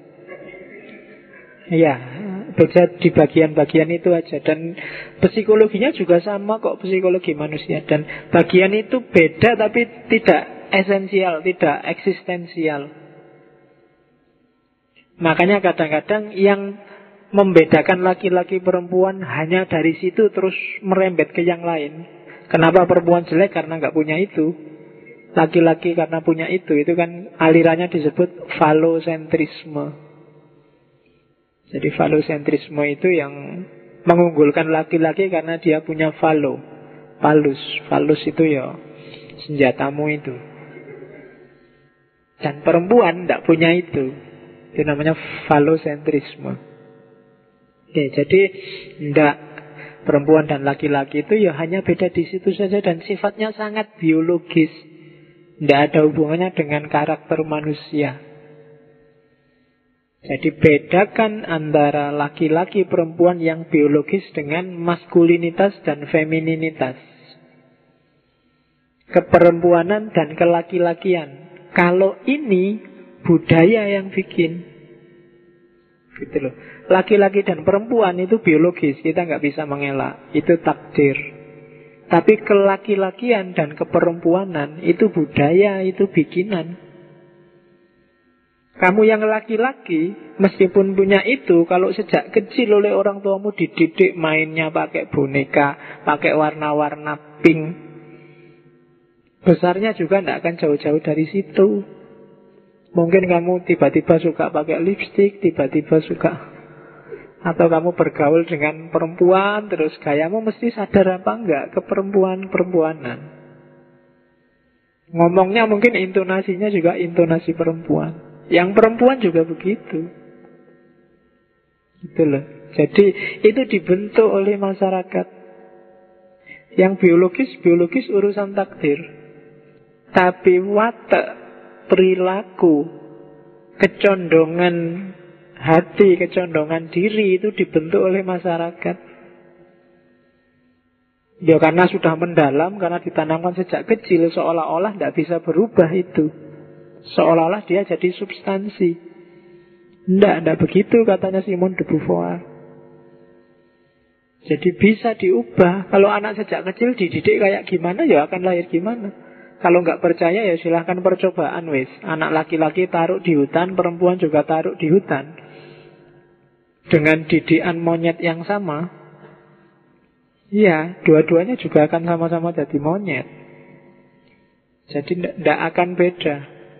Jadi bedakan antara laki-laki perempuan dari aspek tubuhnya dengan kelaki-lakian dan keperempuanan. Nah, yang laki-laki perempuan itu tadi namanya seks. Kalau kelaki-lakian dan keperempuanan namanya gender. Jadi bedanya di situ. Kalau seks tidak bisa diawah-awah, ya memang gitu. Diakui saja diterima. Tapi kalau gender itu dibentuk. Jadi perempuan, femininitas, keperempuanan itu tidak dilahirkan tapi dibentuk, becoming. Jadi bisa ditanamkan. Oke. Ya termasuk yang tidak laki-laki, tidak perempuan. Kok ada Pak ya ini? Fisiknya sangat jelas laki-laki. Tapi gayanya perempuan itu pasti ada modus internalisasi psikologis di tubuh laki-laki itu perempuan. Entah gimana caranya. Mungkin ada momen apa, peristiwa apa di hidupnya waktu kecil sampai dia besar sehingga gayanya ke perempuan-perempuanan. Ah, jadi itu dasarnya. Oleh karena itu perempuan tadi yang didiskriminasi dengan alasan atribut-atribut femininitas, dia harus bangkit melawan. Wong itu bikinan kok. Dia bikin sendiri yang baru harusnya. Dia harus otentik jadi dirinya sendiri. Jadi tidak harus dipisah-pisah ini laki-laki, ini perempuan. Dia punya hak yang sama untuk pendidikan, untuk politik, untuk dunia sosial. Jadi itu dasarnya. Kayak gimana sih terbentuknya? Kalau di itu ya tidak jauh dari empat gaya. Seperti apa sih penanaman identitas feminin dan maskulin tadi? Itu bisa lewat imitasi, bisa lewat mimikri, repetisi, atau modifikasi. Imitasi itu niru. Jiplak itu imitasi laki-laki yang sangat dekat dengan perempuan, ibunya misalnya, atau kakak perempuannya misalnya, sedikit banyak pasti tidak sadar ada gaya perempuan dalam dirinya. Kenapa imitasi dia niru? Mungkin cara ngomongnya, intonasi katanya, cara dia menggerakkan tangan, cara dia melangkah, melirik, mungkin pasti ada pengaruhnya. Karena pembentukan identitas itu antara lain lewat imitasi. Atau mimikri. Mimikri itu mirip imitasi. Mimikri itu kayak bunglon itu mimikri. Kalau dia nempel di warna hijau, dia jadi hijau. Mimikri itu biasanya dijajal sama kamuflase. Cuma kalau kamuflase, misalnya warna kulitku hijau, aku akan milih daun yang sama dengan warna kulitku dan ada di situ sehingga tidak kelihatan. Tapi kalau mimikri, di mana pun aku, Aku bisa adaptasi ngerubah warna kulitku sesuai tempatnya. Nah, itu mimikri. Kalau imitasi niru, kalau mimikri itu merubah diri menyesuaikan dengan lingkungan. Itu mimikri. Kalau repetisi itu ngulang. Diulang, diulang, bolak-balik lihat kayak gitu terus merasa kayak gitu kok keren ya. Nirulah kamu, diulanglah yang semacam itu. Kayak ngomong yang makanya coba dicek artis-artis yang deket sama gaya-gaya kayak gitu. Kadang-kadang hampir semua gaya ngomongnya ya ke perempuan-perempuanan. Karena dia merepetisi ngulang kayak gitu terus. Misalnya kayak almarhum siapa? Olga Saputra. Dia awal-awal karirnya ya laki-laki sejati. Cuma karena dia secara repetitif ngulang terus gaya perempuan waktu syuting. Secara nggak sadar dalam hidup sehari-hari jadi dia kayaknya kayak perempuan Mungkin pilihan bajunya, warna-warna yang disukai, gaya ngomongnya, gestur penampilannya. Kenapa? Karena repetisi. Diulang terus. Kalau di Jawa Timur dulu ada ada namanya pertunjukan tradisional ludruk. Ludruk itu biasanya yang perempuan, yang main juga laki-laki. Awalnya laki-laki sejati cuma ditandani perempuan. Tapi tiap kali pertunjukan dia jadi perempuan Lama-lama jadi keperempuanan beneran. Dalam hidupnya sehari-hari yang ngomongnya kayak perempuan. Itu repetisi. Dan orang biasanya pembentukan identitas sosial itu semacam itu Kalian misalnya tiap hari lihat saya ngomong atau dengerin suaraku lewat rekaman, sadar apa enggak sedikit banyak kadang-kadang gayaku ngomong ikut main ketika kamu ngomong. Itu karena repetisi. Maka ya itu manusiawi, maka pinter-pinterlah nyari idola. Karena yang kamu ulang-ulang itu pasti idolamu. Entah itu artis, entah itu kiai, ulama. Ketika kamu keliru, kamu akan jadi kayak idolamu yang keliru tadi. Dan yang terakhir, kadang-kadang ada orang yang sudah pinter, sudah canggih sehingga sebenarnya itu repetisi atau mimikri atau imitasi tapi disesuaikan dengan kondisinya, namanya modifikasi. Kadang-kadang ada tambahan-tambahan dikit lah. Yo niru-niru siapa tapi ditambah versimu sendiri berapa. Itu, itu namanya modifikasi. Seperti itulah identitasmu terbentuk Termasuk tentang keperempuanan dan kelaki-lakian. Jadi Ciri laki-laki yang kamu merasa laki-laki itu ya kayak gini loh. Itu sebenarnya bentukan, tidak esensial. Katanya masyarakat begitu. Selama ini yang berkembang begitu. Laki-laki itu harus kuat. Itu kadang-kadang merugikan juga. Waktu angkat-angkat Ah, laki-laki bagian angkat-angkatan gitu. Susah kamu kan ada stereotip itu kamu malah susah.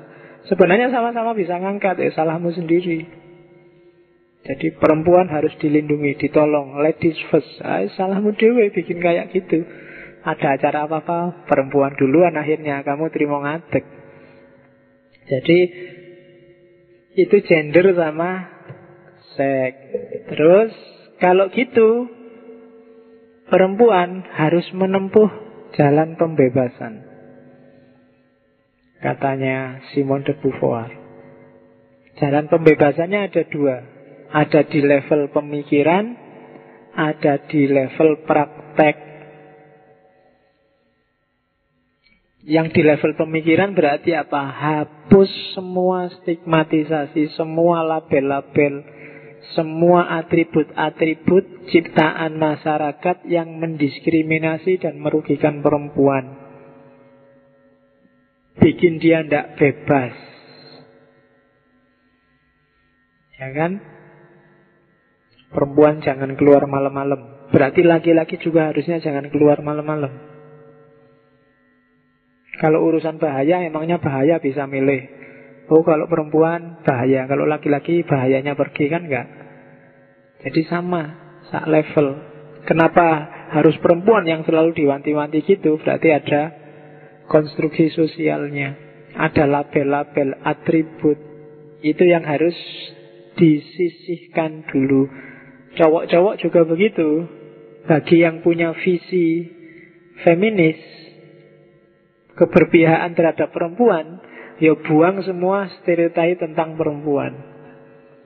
Kalau kamu disuruh angkat-angkat, eh cowok yang kuat loh, kita kan setara, sejajar. Jadi, jadi untuk urusan angkat-angkat tidak ada hubungannya sama laki-laki dan perempuan. Siapa yang kuat gitu aja. Nek aku tidak kuat, yang lain kuat silahkan kan gitu aja. Jadi di level pemikiran bersihkan semua cap-cap, semua stigma-stigma. Di level praktek perempuan harus berdaya, punya daya tawar di hadapan laki-laki. Konstruksi sosial yang patriarki bikin perempuan terpojok, posisinya serba tidak enak. Apalagi secara ekonomi. Katanya Simon de Beauvoir ya, kalau secara ekonomi kalah ya kita tidak punya daya tawar. Perempuan tidak bisa nawar. Kalau ditinggal laki-laki tidak makan dia, kan gitu. Maka terus ya perempuan harus berdaya juga secara ekonomi. Kerja ya kerja aja. Jangan menggantungkan diri pada laki-laki. Aktivitas sosial, aktivitas saja. Tunjukkan bahwa perempuan juga berjasa di dunia sosial. Itu level prakteknya. Dari situ nanti perempuan bisa bebas.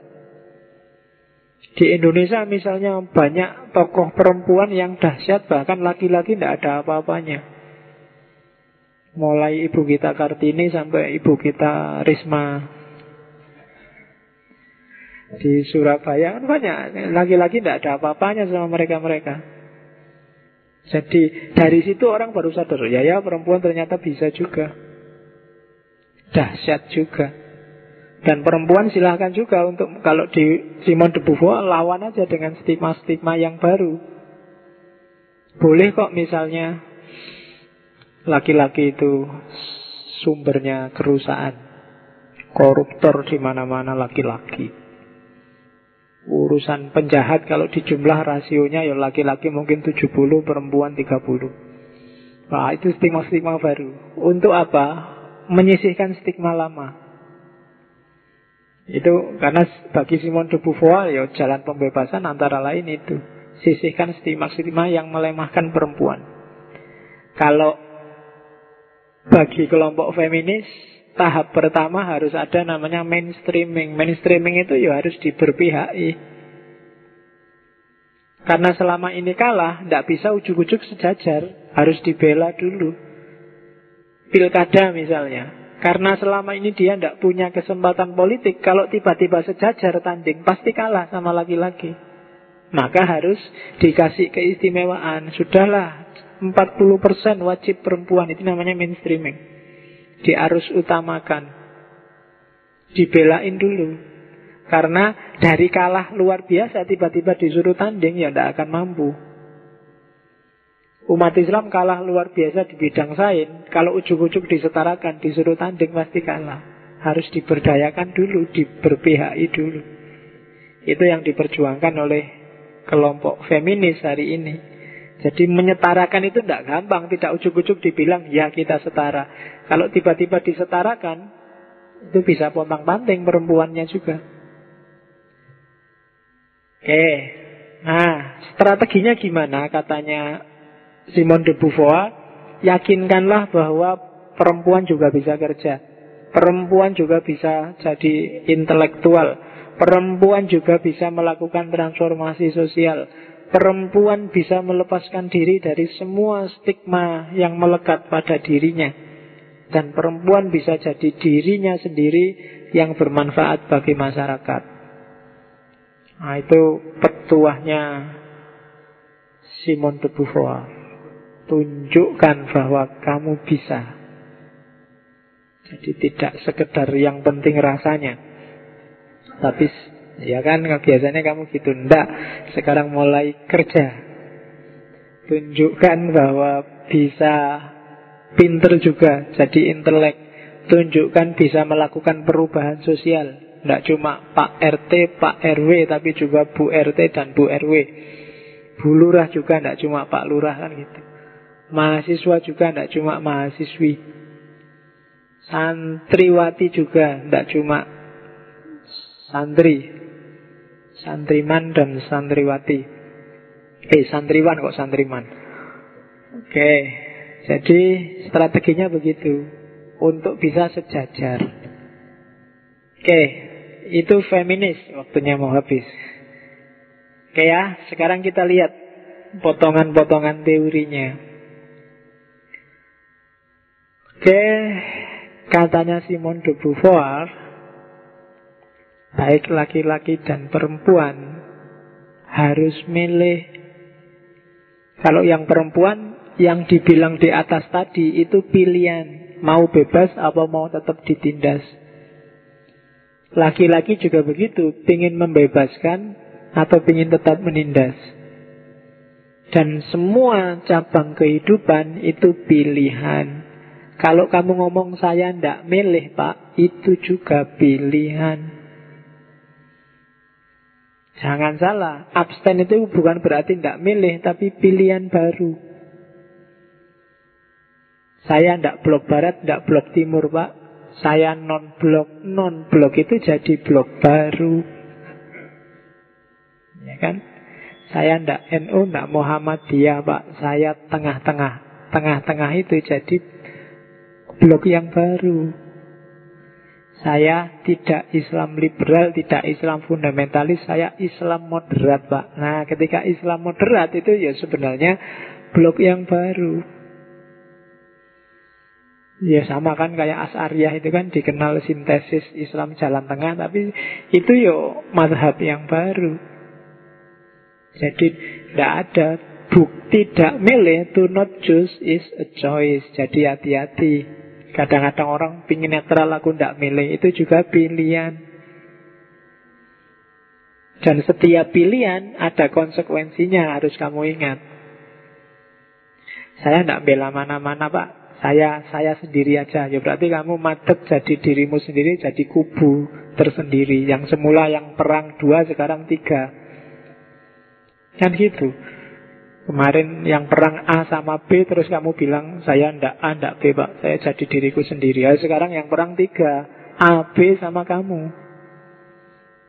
Kubunya sekarang tiga. Jadi to not choose is a choice. Jadi hati-hati dalam hidupmu. Hidup itu ambigu. Mau tidak mau kamu harus milih dan pasti milih. Meskipun itu kamu memutuskan tidak milih. Karena tidak milihmu itu pilihan Oke, ini bagus dari Simon II. To will oneself moral and to will oneself free are one and the same decision. Kamu ingin jadi manusia yang baik, bermoral, dengan kamu ingin jadi manusia yang bebas, itu sama.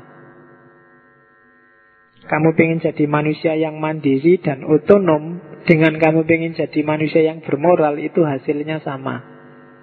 Terserah kamu cita-citamu mana saja, ketemunya harus sama. Kalau beda, kok kamu bermoral ternyata nggak bebas, moralmu nggak ada nilainya.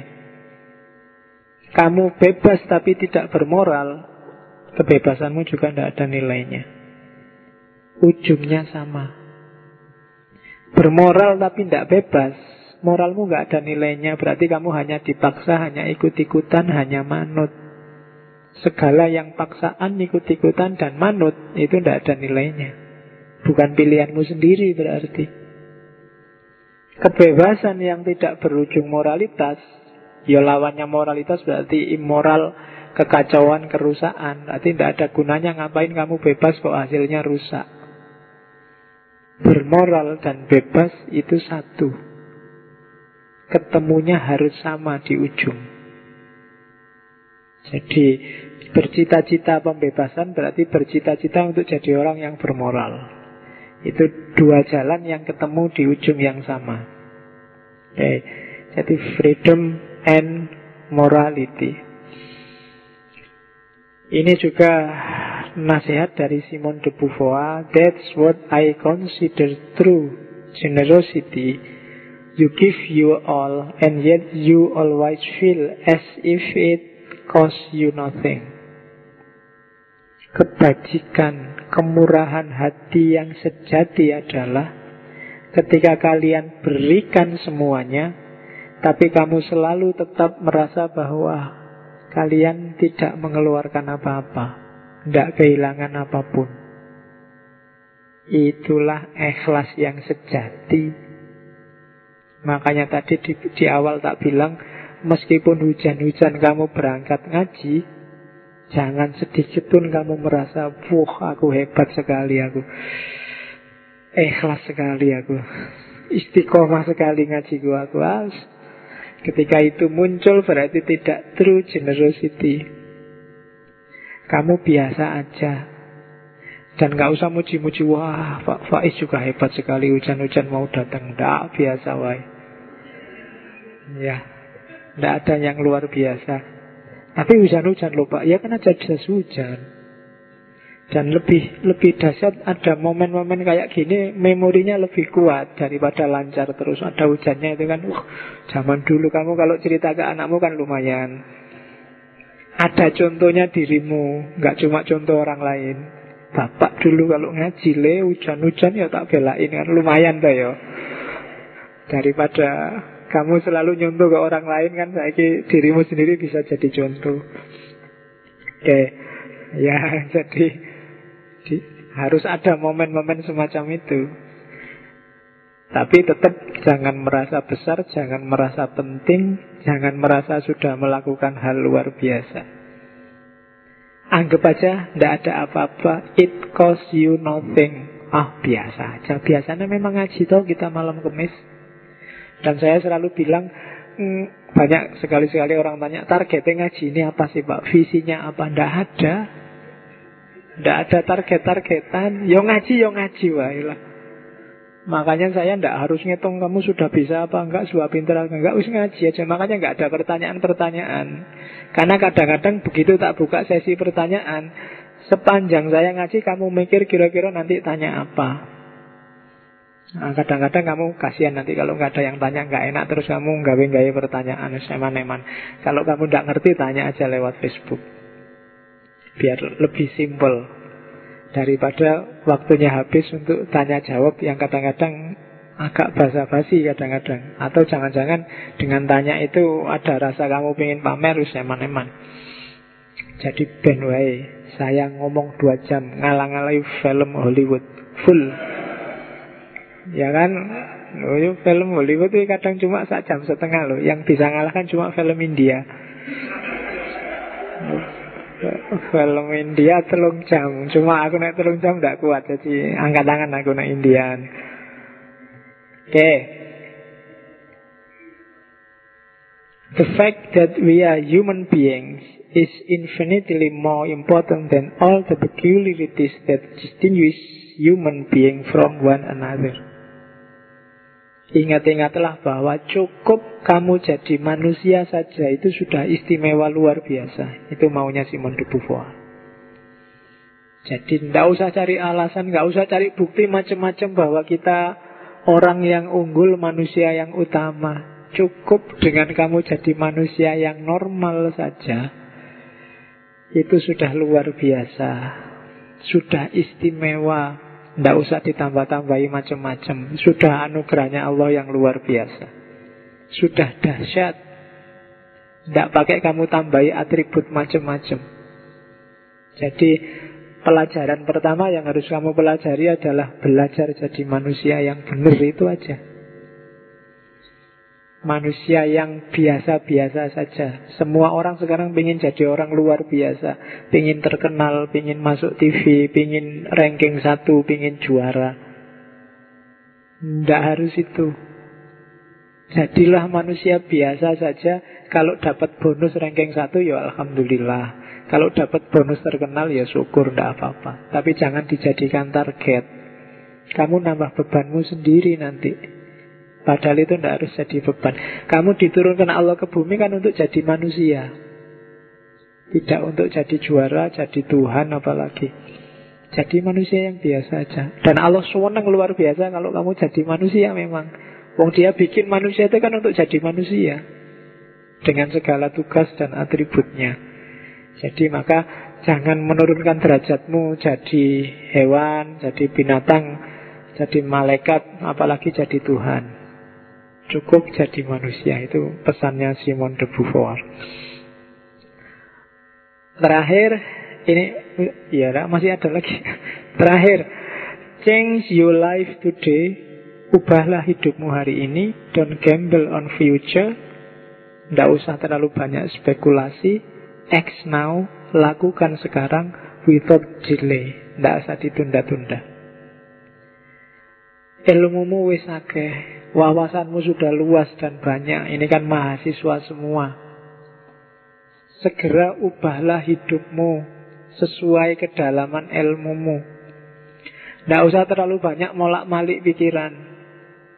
Kira-kira kalau gini enak gak ya? Dicoba ini pas gak ya? Don't gamble on future. Yang kamu sudah ngerti itu bagus Laksanakanlah act now. Without delay Gak usah ditunda-tunda kalau kamu tunda-tunda ya tidak jalan-jalan. Mimpi itu sebesar apa pun kalau kamu tidak act now, ya jadinya cuma mimpi, bukan kenyataan. Cita-cita itu setinggi apa pun, kalau kamu tidak menuju ke sana juga sekedar cita-cita. Maka lakukan sekarang, tidak usah ditunda.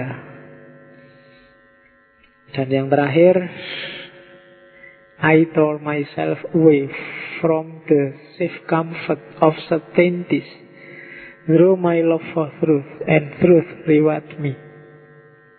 Maksudnya apa? Banyak orang yang hidup di zona nyaman. Ya enak sih di zona nyaman itu. Cuma kalau kamu ingin maju, tadi yang X now tadi, kamu harus merobek zona nyamanmu meninggalkan zona nyamanmu. Cuma kalau bagi Simon de Beauvoir apa? Karena my love for truth.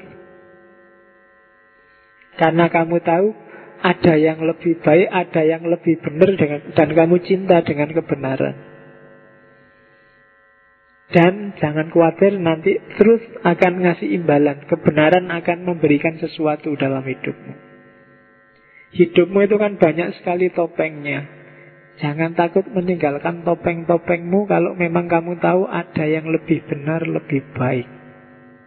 Jangan khawatir, katanya Simon de Beauvoir, terus akan memberikanmu balasannya sendiri. Kebenaran akan menunjukkan balasannya padamu. Jadi, and truth reward me. Simon de Beauvoir merasa dia dapat banyak manfaat dengan cara menetapi kebenaran yang dia yakini. Padahal beberapa kebenarannya Simon de Beauvoir itu mungkin tabrakan dengan keyakinan kebenaran kita. Tapi tidak harus diambil materinya, diambil prinsipnya. Bahwa kalau kamu tahu mana kebenaran, ambillah. Meskipun itu nabrak kenyamananmu hari ini. Dan kalian akan tahu manfaatnya apa. Karena kebenaran tidak akan diam. Nah itu versinya Simon de Beauvoir. Beberapa kebenarannya Simon de Beauvoir kan nggak kayak tadi hidup bareng tanpa nikah itu bagi bagi kita kan nabrak, nggak boleh kayak gitu. Tapi jangan diambil itunya. Ambillah mana kebenaran versimu yang menurutmu benar, hiduplah di situ. Meskipun mungkin nabrak dengan gaya hidupmu yang lama. Tidak masalah kamu akan merasakan manfaatnya. Nah, itu Simon de Beauvoir. Dah jam 10. Alhamdulillah. Minggu depan kita ketemu satu lagi filosof perempuan, Ayn Rand, yang dikenal dengan teori objektivisme etiknya dan beberapa teori dasar filsafat yang menurut saya penting. Kemarin saya menerjemahkan tulisannya yang judulnya Filsafat itu siapa yang butuh? Who need philosophy? Nanti beberapa kita kita perlihatkan minggu depan. Setelah itu minggu terakhir bulan Desember sekali saya ingin ngomong tentang filsafat kebahagiaan. Buat sangumu masuk tahun 2016. Kita lihat tokoh-tokoh yang ngomong apa sih sebenarnya kebahagiaan itu. Dan 2016 kita bahas belakangan meskipun nanti saya ada beberapa rencana. Oke, saya kira itu. Insya Allah ketemu lagi Rebu depan di jam dan waktu yang sama. Ya, hujan ndak hujan pokoknya mulai ngaji. Kalau saya ndak anu mungkin tak SMS dari pagi ya. Kalau saya pagi ndak SMS pamit biasanya kalau nggak kejadian luar biasa ya datang meskipun hujan dan tidak harus bangga. Oke, okay. karena biasanya kamu sukanya gitu kalau bangga-bangga terus nulis di Facebook lah, nulis di WA lah. Oke, okay, saya akhiri sekian. Wallahul muwafiq, wallahu a'lam bisawab, wal afu minkum, wassalamualaikum warahmatullahi wabarakatuh.